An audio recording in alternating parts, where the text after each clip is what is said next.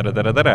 oleme taas siin äh, istmesoojenduse helistuudios, mina olen Jan-Mattias Mandri, minuga on siin Veli Rajasaar. tere! ja nagu ikka istmesoojenduseks tavaks on, äh, räägime autoteemadel ja lähme kohe selle ühe suure uudise juurde, mis siin äh, veidral kombel on väga palju kõneainet tekitanud äh, väga erinevates ringkondades äh, väga erinevate inimestega minul juba, kuigi isegi nende inimestega, kes muidu tavaliselt äh, autoteemadega üldse kursis ei ole. no ütleme jah, see on selline asi, mis kõnetab tõenäoliselt ähm, kõiki, kes on kuulnud sellist terminit nagu dad joke et kes iganes on kursis nende nii-öelda naljadega, mida teeks kellegi äh, selline kehva huumorimeelega isa umbes. see kõlab nagu midagi sellesse auku, aga kõige naljakam ongi see, et see tundub, et ei olegi aprillinali või kui on, siis see on väga hästi Volks ehk siis Volkswageni poolt äh, välja mängitud ja, ja noh, see tegelikult ju võib olla küll äh, aprillinali, et kes siis veel kuulnud ei ole, siis USA-s saab Volkswagenist nüüd lähe, lähema paari kuu jooksul Volkswagen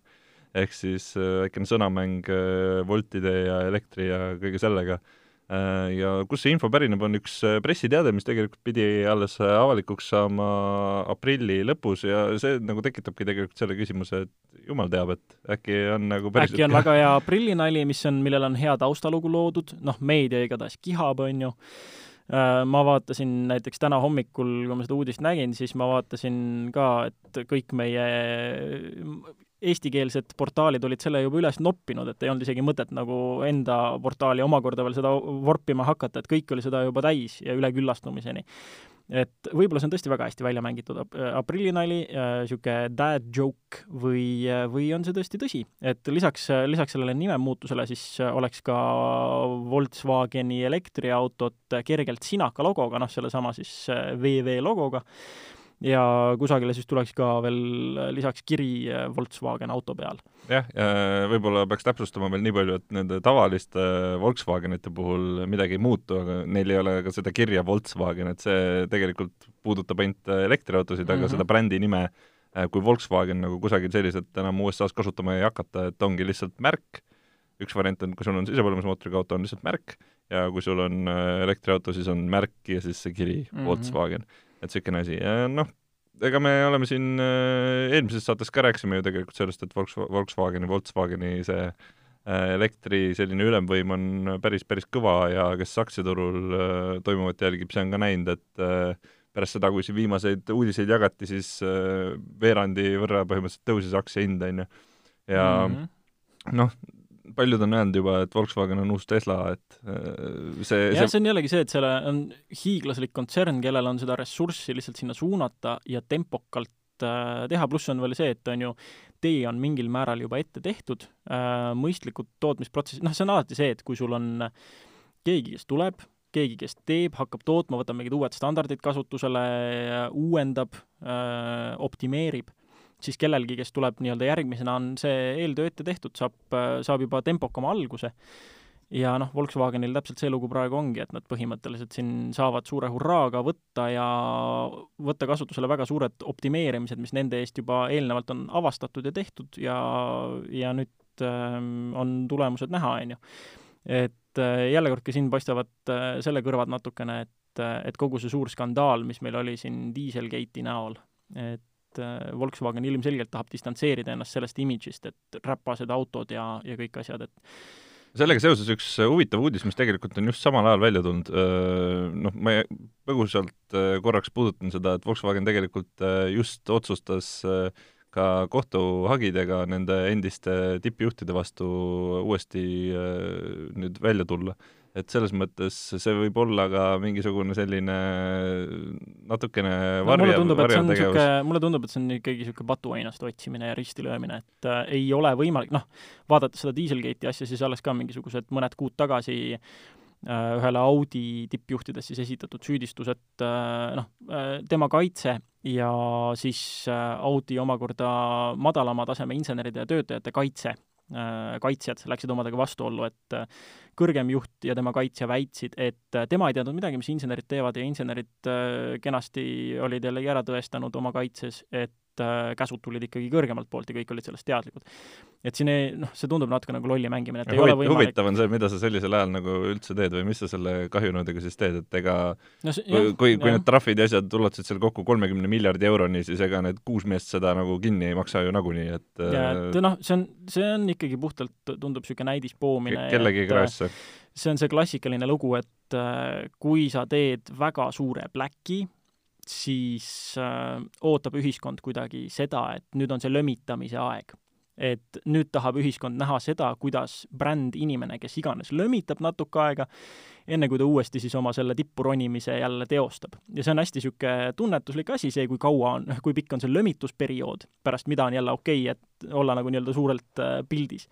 et mulle tundub täpselt see on see, et Volkswagen siin üritab selle rohelise imidžiga ja elektriautodega nii-öelda tippu ronida ja samal ajal siis see tippjuhtide, endiste tippjuhtide ristilöömine on niisugune osa sellest lömitustegevusest, et näe-näe, nemad on süüdi, me nüüd kõik, kõik kahetsevad, kõigil on väga kurvad näod. no minu tunnetus ütleb juba, et laske minna ja ma arvan, et keskmise inimese tunnetus eh, ütleb veel enam seda, et neil on nagu täiesti savi. täpselt Äh, aga nüüd räägime ühest äh, huvitavast elektriautost, või noh, tegelikult see on terve ampluaa elektriautosid, mõni neist on huvitav, mõni neist mitte nii väga huvitav, aga Kiia EV6 ja see tuleb siis terves hulgas erinevates variantides välja, erinevad akupakid, erinevad äh, need erinevad mootorid, erinevad võimsused, kõik on täiesti võimalik ise valida, mida sa tahad. see on nüüd hea näide sellest, et miks on vajalik Äh, ikkagi siis elektriautole oma platvormi loomine. Et see on Kiia esimene päris elektriauto platvormile loodud auto, kusjuures eesti keeles ei, ei olegi mina veel leidnud head terminit sellele, aga robustne otsetõlge oleks, ongi midagi stiilis, et algusest peale elektriautoks loodud või noh, niisugune klassikaline asi, et meil jälle puudub termin selle kohta, aga mõeldud on siis seda, et auto on ideefaasist alates platvormist, tootmisest, kõigest elektriautoks loodud, ta ei ole enam kohandatud tavamudel. ja siin ongi näha seda, mis nii-öelda modulaarsuse ja mis eelised see tagab, et kui sa vaatad seda Kiia asja, on ju, kui sa võrdled seda siin äh, Mercedese nüüd, äh, mis oligi siis äh, EQS-iga mm, -hmm siis samamoodi, kui sa vaatad Mercedese esimest elektriautot, mille tähekombinatsiooni ma olen juba unustanud, üks linnamaasturitest, Äh, ja selle sõidu ulatust ja võrdled seda nüüd äh, uue EQS-iga, mis on ka samamoodi siis loodud sellele spets, spetsiaalselt elektriauto platvormile, siis see läbisõiduvahe on äh, terve kolmandik. et, et ja Kiia siin omakorda saab rakendada seda jõhkrat modulaarsust täpselt siis, et neil ongi, sa võidki võtta tagaveoline, nelik, ühe ajamiga, kahe ajamiga, kõik nagu kombineerida kokku erinevaid akupakkide mahtuvusi, ajamite võimsuseid, igasuguseid konfiguratsioone, aga kõige põnevam neist siin ikkagi ähm, erinevate autohuviliste jaoks tõenäoliselt on GT versioon. et Kiia on juba näidanud seda, et nad suudavad teha väga võimeka, lõbusa auto Kiia Stingeri näol äh,, mis on ka GT liikur, mis mina näiteks isiklikult eelistan seda BMW kuuendale seeriale, kui ma neid siin kunagi võrdlesin omavahel. et äh, see on lõbus, noh, BMW kõrvad muidugi paistavad sealt tagant, sest et Albert Biermann on pikemat aega juba Kiia Hyundai grupis, on ju, ja seal äh, juhtinud erinevaid, äh, erinevaid toiminguid ja vastutanud siin autode veermikuseadete ja lõbususe eest laias laastus. ja noh, nüüd selle masinaga siis see GT versioon äh, lubab meile viissada seitsekümmend seitse hobujõudu täitsa. Ja nullist sajani aeg kiirenduses siis kolm koma viis sekundit et no ütleme, et see on juba selline suhteliselt superauto territoorium. minu arust oli üks väga huvitav asi, mis seal kirjas oli, äh, mingisugune arvutisüsteem, mis äh, simuleerib äh, piiratud libisemisega Diffri käitumist. no see on umbes sama asi, mida me paar saadet tagasi siin rääkisime, et, et näiteks Porsche Taycani puhul, et nad on väga hästi selle veojõu jagamise katki hammustanud. et kui näiteks Volkswagen ID3 tegi seda, et noh, ükskõik, et ta on tagatelg veab, on ju Äh, Honda E samamoodi tagatelg veab, aga nad sellest hoolimata ei ole sellised lustlikud, isegi libedega, nad ei luba sul mingisugust äh, suurt lõbutsemist. ja siis võtad Taycani, mis igast asendist, olgu libe, olgu kuiv asfalt, tahad külje ette saada, saad, tahad aru saada, kuhu jõud läheb, tunned, saad aru ja, ja selline ütleme siis äh, Porsche on selle katki hammustanud, et kuidas seda teha ja ma arvan, et see Kiia on siin nüüd sama asja mõelnud, et tõenäoliselt erinevad sõidurežiimid võimaldavad seal samamoodi, tahad äh, väga vilgast, hea pidamisega sõitu, saad, tahad äh, külje ette lasta, lõbutseda, pikki libisemisi hoida suure nurgaga, ma arvan, et ta lubab sul tõenäoliselt ka seda teha, et äh, oleks ka aeg, et teised tuleksid järele siin selle elektroonilise veojõu juhtimisega, mis imiteeriks siin äh, seda, millega me juba harjunud oleme, mis lubaks meil äh, elektriautosid samamoodi kurvi sisse visata nagu, äh, nagu sisepõlemismootoriga auto. eriti, kui seda jõudu ja kõike on nii palju, siis tahaks ju sellega midagi teha ka, mitte et no täpselt lihtsalt..., tahaks, et see, jällegi siin on see, et kaks varianti tavaliselt selle, selle veojõu jagamise juures ja lõbusam variant on ikkagi see, kus kui sul süsteem saab aru, et üks tagaratastest kaotab pidamist kusagil, siis sa mitte ei pidurda ka teist kinni, vaid annad teisele jõudu juurde. lihtne. juhigi, juhi teha jätad selle osa, et keera natuke rooli vastu, hoia pedaali põhjas ja lõbutse. et, et tõesti siin paraku väga mitmed elektriautod, hoolimata veoskeemist, põevad selle all, et, et nad poovad selle lõbu kinni lõpetuseks võib-olla selle sama mudeliseeria kohta nii palju, et sa said täna pressiteatega, kas seal oli hin-, hindadest ka midagi räägitud? ei okei okay,, ma nägin internetis, et äh, spekuleeriti, et umbes neljakümne tuhande juurest võiks alata, aga ma mõtlesingi, et kas seal olid äh, hinnad teil ka, aga ei, aga nojah, siin äh, GT versiooni seda kõige võimsamat, ega ikka ei, ma arvan, et kaks, kaks korda nelikümmend vähemasti seda selle raha eest ei saa. Räägime nüüd natukene krüptovallast uudiseid, mis tundub äh, natukene veider äh, meie saate suunitlust silmas pidades, aga tegelikult me oleme sel teemal vist korra rääkinud ka kunagi ammu-ammu Äh, põgusalt maininud, siis kui selle kohta veel midagi suurt äh, teada ei olnud. aga informatsioon on siis selline, et äh, uue elektrilise Fiat viiesajaga sõidad, lihtsalt sõidad, midagi muud ei tee, ja teenid krüptoraha, Kirikoini nimelist münti, ja mida sa sellega siis teha saad, see on nüüd see osa, mis siin selgunud on. Saad osta kõiksugu vautšereid näiteks Amazoni, Netflixi, Apple'i, Spotify, ühesõnaga igasuguste digiteenuste tarvis. Ja loogika on siis selline, et äh, mida säästlikumalt sa sõidad, seda rohkem sul neid äh, digitaalseid münte ka taskusse kukub. Et äh, selline nagu keskkonnasäästlikku sõitu siis silmas pidav lahendus. iseenesest on tore, et selline initsiatiiv on loodud noh, mul endal on ka, kui vähegi mingi säästlikuma autoga sõitu on, noh, tõsi, see puudutab siiani küll sisepõlemismootoriga masinaid, siis on ka hasart tihtipeale tulnud, et noh, kui madalaks ma siis selle kütusekulu suudan ajada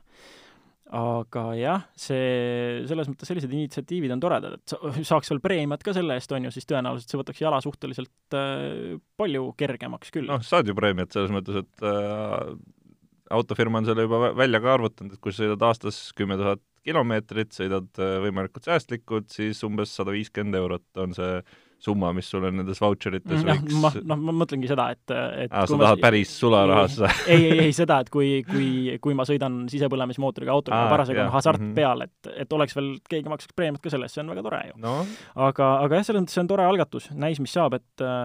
ja jällegi oleneb, kuidas see süsteem üles ehitatud on algselt, kui ma seda uudist nagu põgusalt lugesin, tekkis esimene mõte, et oot-oot-oot, kas see ei või põhjustada mingit sorti äh, noh, äh, kasutajate hulk kasvab, äh, kas see ei või põhjustada mingit sorti nii-öelda inflatsiooni kähku sellel mündil, aga siis jällegi on see, et Fiat ostab endale ikkagi ju terve, terve korraliku kuhja seda münti ja siis jagab seda nendele kasutajatele. aga küsimus ongi selles, et kui aktiivselt inimesed selles osa võtavad, sellest ja kas äh, see võib põhjustada seda, et seal läheb nagu nii-öelda rebimiseks nende müntide vahel ja muudetakse näiteks seda, et äh, et milline on see sõidustiil, äh, millega neid teenib, et kas võib juhtuda selles, selles vallas inflatsioon nii-öelda, et sõidad küll säästlikult, aga lõppkokkuvõttes saad ikkagi vähem münti, sellepärast et nii palju nii-öelda sõitma veel säästlikumalt. et, et kas võib juhtuda säärane inflatsioon. et et äh, noh, jällegi, eks näikse, algatus on tore, vaatame, kuhu see viib, ähm, ja kindlasti sellega tulevad ka rohkem, rohkemad tootjad kaasa. Minu arust siin kõige murettekitavam selline paar sammu edasi mõelda on juba see, et äh, kui sa oled äh, juba lasknud mingisuguseid preemiaid endale maksta selle eest, et sa sõidad säästlikumalt, siis seal on juba nagu kõik muud liiklus käitumise jälgimised ka sisse kodeeritud, et kindlustusandjad näiteks on väga pikka aega olnud huvitatud sellest, et pakkudagi sellist kindlustust näiteks, kus sul on mingisugune äh, güroskoop on autos ja sa näed mm, -hmm. et missugune on auto kiirus, sa näed, missugune on auto rooli nurk näiteks sel hetkel ja nii edasi. et sellega sa oled tõesti võimeline ära ütlema, et kui ohtlikult see juht sõidab ja põhimõtteliselt panema talle jooksvalt sellega nagu kindlustusmaksed et see natukene võib-olla on selline äh, vandenõuteooria, aga, aga äh, oleneb, kuidas see säästlikkuse mõõtmine ikkagi lahendatud on. kui see ainuke parameeter, mida see loeb, on sul elektrikulu distantsi peale, siis ei tohiks ju jällegi olla mingit muret. et see võib olla täiesti äh, samalaadne, mitte väga invasiivne parameeter, mida jälgida, kui äh, liitrid sajale kilomeetrile võib-olla, aga ma lihtsalt ütlen, et siin on mingisugune põhjus äh, tõenäoliselt taga, miks nad seda selliselt tegema hakkavad mm. ja, ja noh, võib-olla see ongi äh, lihtsalt rohelise mõtteviisi populariseerimine teine ja... asi, mis, mida mina ette kujutan, on äh, ütleme siis noh, ma ei tahaks öelda, et päris nagu õudusunenäo stsenaarium, aga sõidad linna vahel ja siis sul on ees äh, Leningradi blokaad, mingid Fiat vii-, viitesadasid, mis kõik üritavad sõita nii säästlikult kui võimalik ja sina seal taga hullud, sest et nad äh, kiirendavad nii aeglaselt kui võimalik, väikse elektrikuluga ja hoiavad kiirust võib-olla ka natuke alla lubatu, sellepärast et ähm, et vähem kulutada. no elektriautodega on maanteel ju eriti see, et äh, üle kaheksakümne, üheksakümne väga sõita ei taha, et siis on need need alad mm, -hmm. kus on mhm. saja kümne alad, on nagu üheksakümnega kulgemine. jah, täpselt, et äh, oleneb, mitu sõidurada meil parasjagu kuskil on, aga need äh, võivad põhjustada rohkem möödasõite ja nii edasi, et aga noh, jällegi, spekulatsioon. Vähemalt, vähemalt on huvitav, vähemalt on midagi toimub, keegi proovib midagi uut, selles mm -hmm. mõttes on lahe. Üks väike krüptouudis veel, kes kuulnud ei ole, siis nüüd saab Teslat osta ka Bitcoini eest. see on lihtsalt selline äh, ühe, ühelauseline teavit-, teavitus. aga see, see oli vist ainult äh, USA kohta, see uudis. Äh, nüüd lähme oma proovisõiduauto juurde, selleks oli äh, Mercedes-Benzi S-klass, kes juba Instagramis käis noolimas, siis tegelikult Veli pani sellest juba mõnda aega tagasi päris pikalt on jah, kusjuures ülevas, üleval olnud see, need minu mõtted. Ja eks ma kordan enamjaolt neid mõtteid siin tõenäoliselt neile, kes ei ole siis seda arvustust lugenud, aga mind jah, kui seda enne sind sõitjat äh, huvitabki tõesti see, et pigem siis ma küsin sinu käest äh, lolle küsimuse ja küsimusi ja vaatan, kuidas see auto sulle tundus. küsi, aga olgu, olgu siis aga räägi meile enne numbrid ära äkki. okei okay. äh,, hind on laias laastus sada kolmkümmend tuhat, vähemalt sellel versioonil, millega me sõitsime, aga noh, sellise auto puhul ega, ega sa ilmselt sinna selle kümne tuhande euro pärast kauplema ei lähe Äh, kütusekulu mina sain kuskil üheksasajale kombineeritud sõidul äh, ja suht-koht ongi kõik, ma mm. neid äh, võimsuse ja neid numbreid ei hakka ka lugema, kuna see on samamoodi jah, seal on versioone mitmeid, aga jah, meil oli siis äh, hübriidversioon, nii-öelda tippversioon äh,, võimsust kokku tal jagus selle neljasaja kolmekümne viie hobuse jagu. et Äh, ja nelik, nelikvedu. et äh, täitsa nagu selles mõttes äh, korralik asi ja kusjuures mass isegi vähem kui nende gabariitide põhjal mina oleks oodanud. et peale vaadates ma oleks talle öelnud niisugune noh, kaks tuhat ükssada kilogrammi, tegelikult on ta kusagil seal tuhande üheksasaja kandis mm.. et täitsa selles mõttes mõistlik, aga nüüd, kui rääkida sellest, kuidas temaga sõita oli, kuidas sul enesetunne selle juures oli, noh, kas, kas poputas? jaa lühidalt, jah äh,. väga veider oli, ma ei äh,, ma olen, ma olen noh, siin aja jooksul ikka sõitnud igasuguste äh, autodega, mis on enam-vähem samasuguse või isegi krõbedama hinnasildiga, aga sellist, äh, just seda poputamise tunnet ei ole küll üheski autos selliselt veel olnud, nagu seal oli, et mingisugused massaažid ja värgid-särgid, mingid lõhnateraapiad ja nagu mida iganes sa põhimõtteliselt välja suudad mõelda, siis see oli seal autos ka olemas. et äh, noh, väga-väga huvitav oli selles mõttes, aga see oli teisest küljest ka tõsine peavalu, et kui sa vaatad seda menüüd ja seal on mingisugune kuus tuhat valikut, et mida sa nüüd nagu teha saad ja kuhu sa mida saad tõsta ja eriti äh, eriti see, mis puudutab seda, et absoluutselt igal inimesel, välja arvatud kõrvalistujal, on autos oma ekraan. Mm juhi jaoks on siis tagasi telekat vaadata näiteks telekat sai igal pool vaadata ja siis yeah. oligi mingi niisugune süsteem, et sa said sealt eh, keskmisest nii-öelda no see oli tahvelarvutus oli keskel vahel. jah, sealt said, sealt said veel tõsta mingisuguseid telekapilte erinevatesse kohtadesse, erinevatele inimestele seal sättida, aga see noh, ma ütlen ausalt, et see süsteem ei olnud väga intuitiivne, ma tahtsin seda katsetada, aga keegi oli eest pannud mingisugused laste lukud peale tagumistele mm. nagu istmetele ja siis ma otsisin reaalselt mingisugune viisteist minutit seda kohta, kus seda maha saab võtta ja siis lõpuks see oligi täpselt sealsamas kohas, kus ma arvasin, et see on, aga see ei olnud mingil põhjusel maha tulnud ja ühesõnaga, see on nagu elektroonikat on hunnikutes. Ja noh, aga samas selle juurde jällegi ma just, kusjuures just juhuslikult eile rääkisin siin ühe turundusinimesega ühest autoettevõttest ja kes ka küsis S-klassi kohta ja vahetasime natuke arvamusi. ta ütles umbes sama asja, et hästi nagu noh, et nuppe ei ole põhimõtteliselt, hästi digitaalne ikkagi ja minu jaoks näiteks lunastas selle nupupuuduse ja selle suure digitaalsuse see, mida näiteks uus Golf ei suutnud. ja mida ka uued Seatid äh, nii hästi äh, võrdlusmomendi mõttes ei tee, kui me oleme rääkinud siin hästi digitaliseeritud autodest. Ja üleüldse keskklassi masinad ilmselgelt ei saagi midagi nii hästi teha, mida teeb sul äh, sellise hinnalipikuga auto, et äh, see multimeedia, kõik need ekraanid, asjad, ülikiire reageerimisega. see mulle väga meeldis ja see on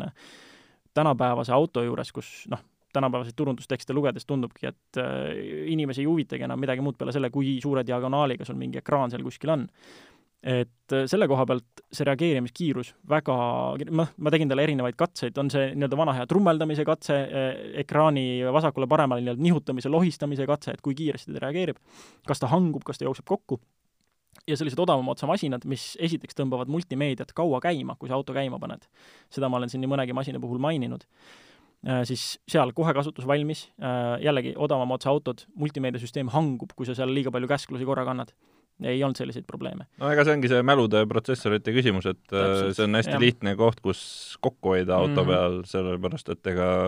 keskmine tarbija ei saa sellest aru ja noh, tegelikult sa ise ka ei näe palju, et mi-, mis need nagu tehnilised näitajad nendel asjadel on mm, -hmm. sa mhm. lihtsalt tunnetad seda. aga üks äh, küsimus, mis mind võib-olla isegi kõige rohkem huvitab, on see, et kas sa pigem sõidaksid selle autoga juhi kohal või äh, tagaistmel ja laseksid sohvrile end sõidutada? Äh, ma arvan, et pigem juhi kohal, et ma ise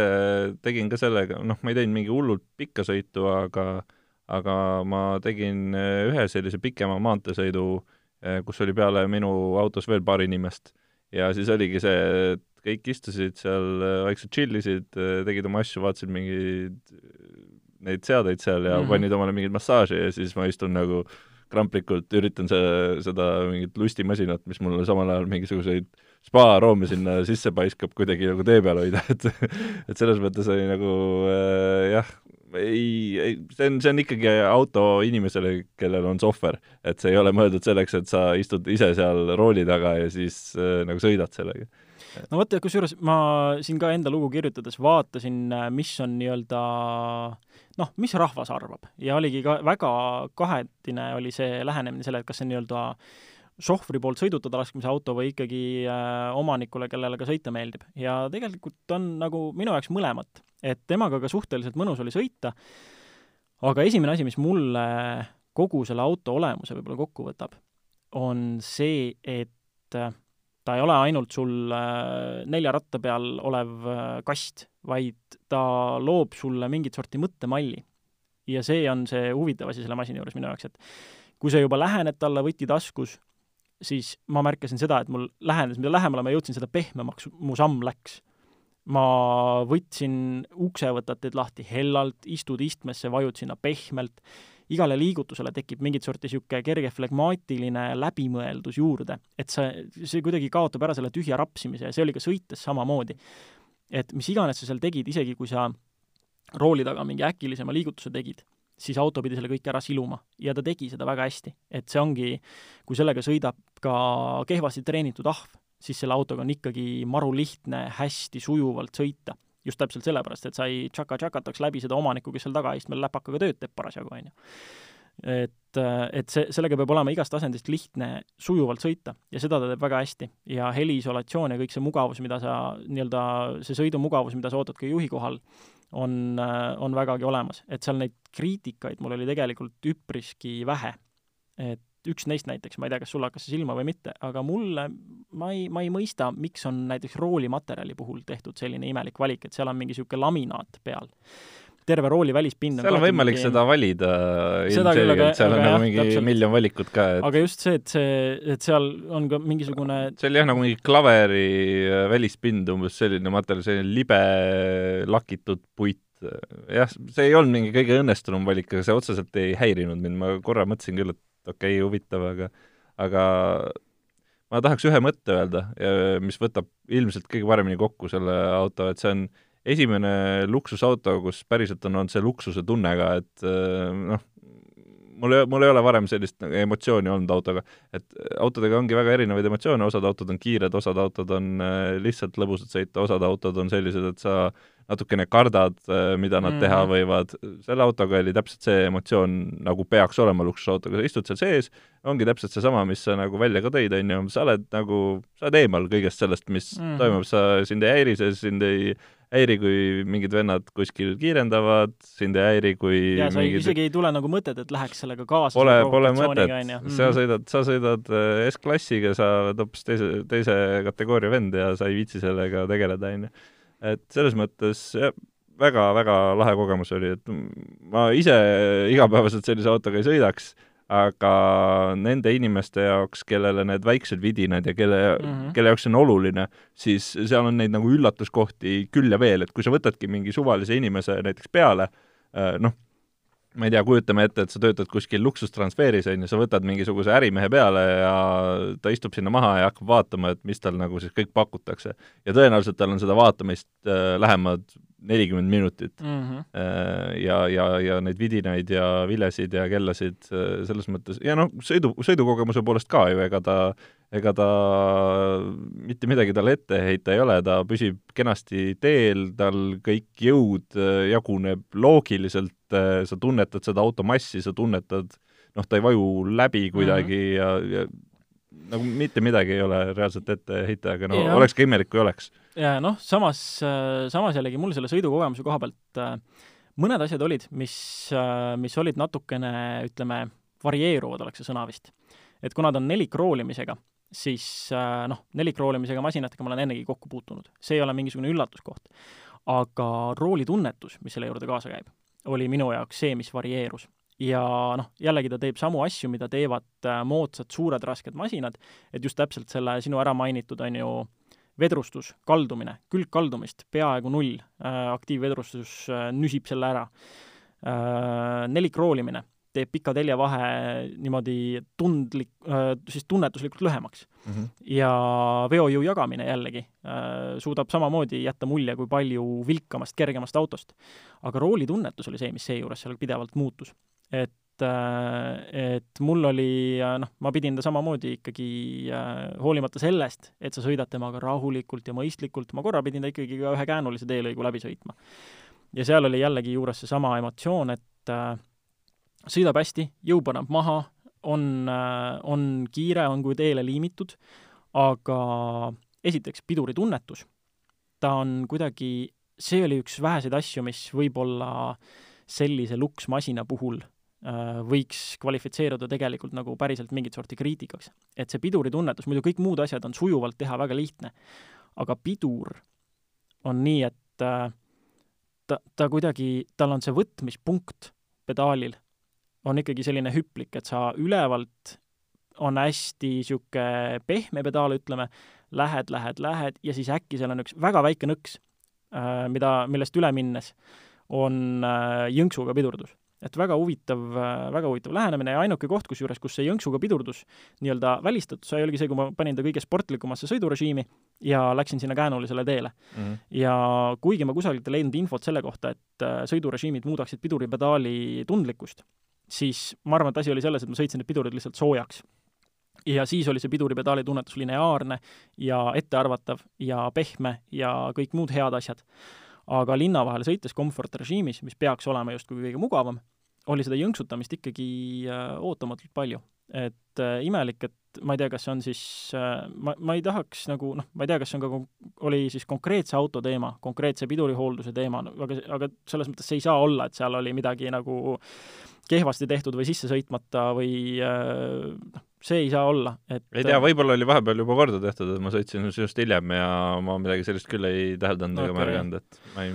huvitav ja, ja, ja teine asi oli selle roolitunnetuse kohta, et ta on ikkagi selline, ütleme, varieeruv, et äh, elektroonilisest roolivõimendust tulenevalt ikkagi äh, ta, ta ei suuda nagu kuidagi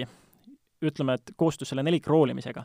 see roolitunnetus jätab vahepeal mulje kui kergemast autost ja siis äkitselt nagu raskemast. ta on hästi niisugune varieeruv, see vastusurve, ma ei tea, mis tingimustel ta seda valib, aga hüplik roolitunnetus pisut. et äh, see oli teine asi, mida ma võib-olla nii-öelda kritiseeriks. aga muus osas ikkagi vägagi noh, E-klassi ei ole ilmaasjata nimetatud äh, maailma parimaks autoks, et seda kumas läbi seal kõike, ka kas või seesama kasutusmugavuse testimine, et ma ei, ma ei kujuta ette, kui suur see eelarve kasutusmugavuse testimiseks on olnud. aga väiksed asjad, kõik need asjad selle auto juures, sa tunned, et need on läbimõeldud. Äh, kas sa pidid päiksesirmi näiteks kordagi kasutama? ei. vot, see on selline asi, mis mind üllatas. et ma olen oma autos harjunud äh, ikkagi väga noh äh,, robustselt tõmbama ta ette ja siis uuesti kinni lööma. ja see on nagu noh, nagu soft close äh, tualettpoti luuk, vaata, et võid ka lüüa, aga ta läheb niimoodi lõpuosa on äkki pehmelt ja vaikselt, seal oli samamoodi, et tõmbate käega kinni ja siis see lõpuosa läheb niimoodi vaikselt, mõtle sinna juurde nagu niisugune kosmoselaeva ukse sulgumise hääl, niisugune mm. ja siis ta läheb sinna kinni. et niisugune hästi, hästi huvitav, isegi sellised asjad või kas või see, et äh, näiteks äh, iste, istmemäludega autod äh,, neil on tihtipeale säärane lugu, et äh, iga kord, kui sa auto käima paned, siis tema, siis ta noh, tavaliselt see iste sõidab äh, autot välja lülitades nii taha, kui saab, et sul oleks ruumi autost äh, välja minna mugavalt ja pärast uuesti sisse tulla ja kui sa auto käima paned, autosse uuesti sisse istununa, siis ta läheb sinna number üks asendisse. aga näiteks S-klass teeb seda, et ta ei lähe number üks asendisse, vaid kõige viimasesse, mis üldse oli, ka siis, kui see ei ole istmemälusse salvestatud. ja see on minu jaoks mugav sellepärast, et kui autot kasutab mitu inimest, siis noh, juht ja nii-öelda omanik tõenäoliselt on tõesti oma number üks asendi sinna pannud, on ju, aga nüüd kujuta ette, et sa oled see nii-öelda varumängija kes läheb näiteks äh, poodi mingite asjade järele, võib-olla lasteaeda viima, kooli, mis iganes, sa paned korra auto, lülitad ta välja ja siis uuesti iga kord on äh, sisse istudes ja käivitades on jälle istme sättimine sinna mingisse teise asendisse kui number üks no,. et niisugused väga väiksed see on, see on juba vaese inimese mõtlemine, et kui sul SKLS on, siis sa ei pea selle pärast, ma arvan, muretsema aga laias laastus kõik asjad väga läbimõeldud, mõttemall tuleb kaasa, sa lähenedki sellele autole pehmelt, see annab nagu, see annab äh, igale liigutusele, mis sa temaga ja selles autos olles teed, mingit sorti mõtte ja läbimõelduse ja see on see, mis mulle, mulle selle auto juures vast kõige rohkem meeldib. ma olen täitsa nõus, äh, väga lahe ja selline auto, mille kohta üle pika aja saab öelda tegelikult, et see oli nagu kogemus, mitte lihtsalt proovisõit, et seal oli nagu midagi enamat. et selles mõttes oli, oli kihvt. nõus Äh, nä-, nädala auto mõte puudutab sellist äh, asja nagu äh, vanemaid autojuhte ja see on inspireeritud siis Ühendkuningriigis käivast debatist ja neil on siis selline mõte, et need juhid, kes on üle seitsmekümne aasta vanad ja kellel on mingisugused terviseprobleemid, siis neil peaks ka palju rohkem silma peal hoidma ja, ja võib-olla isegi piirama seda, kuidas nad sõidavad ja, ja mida nad teevad et näiteks võiks neil ära keelata öösel sõitmise ja lubada sõidud ainult mingisugune kahekümne-kolmekümne kilomeetri kaugusele. ja põhjuseks selle taga on see, et äh, viimastel aastatel on äh, Ühendkuningriigi politsei öelnud, et äh, neil on väga-väga palju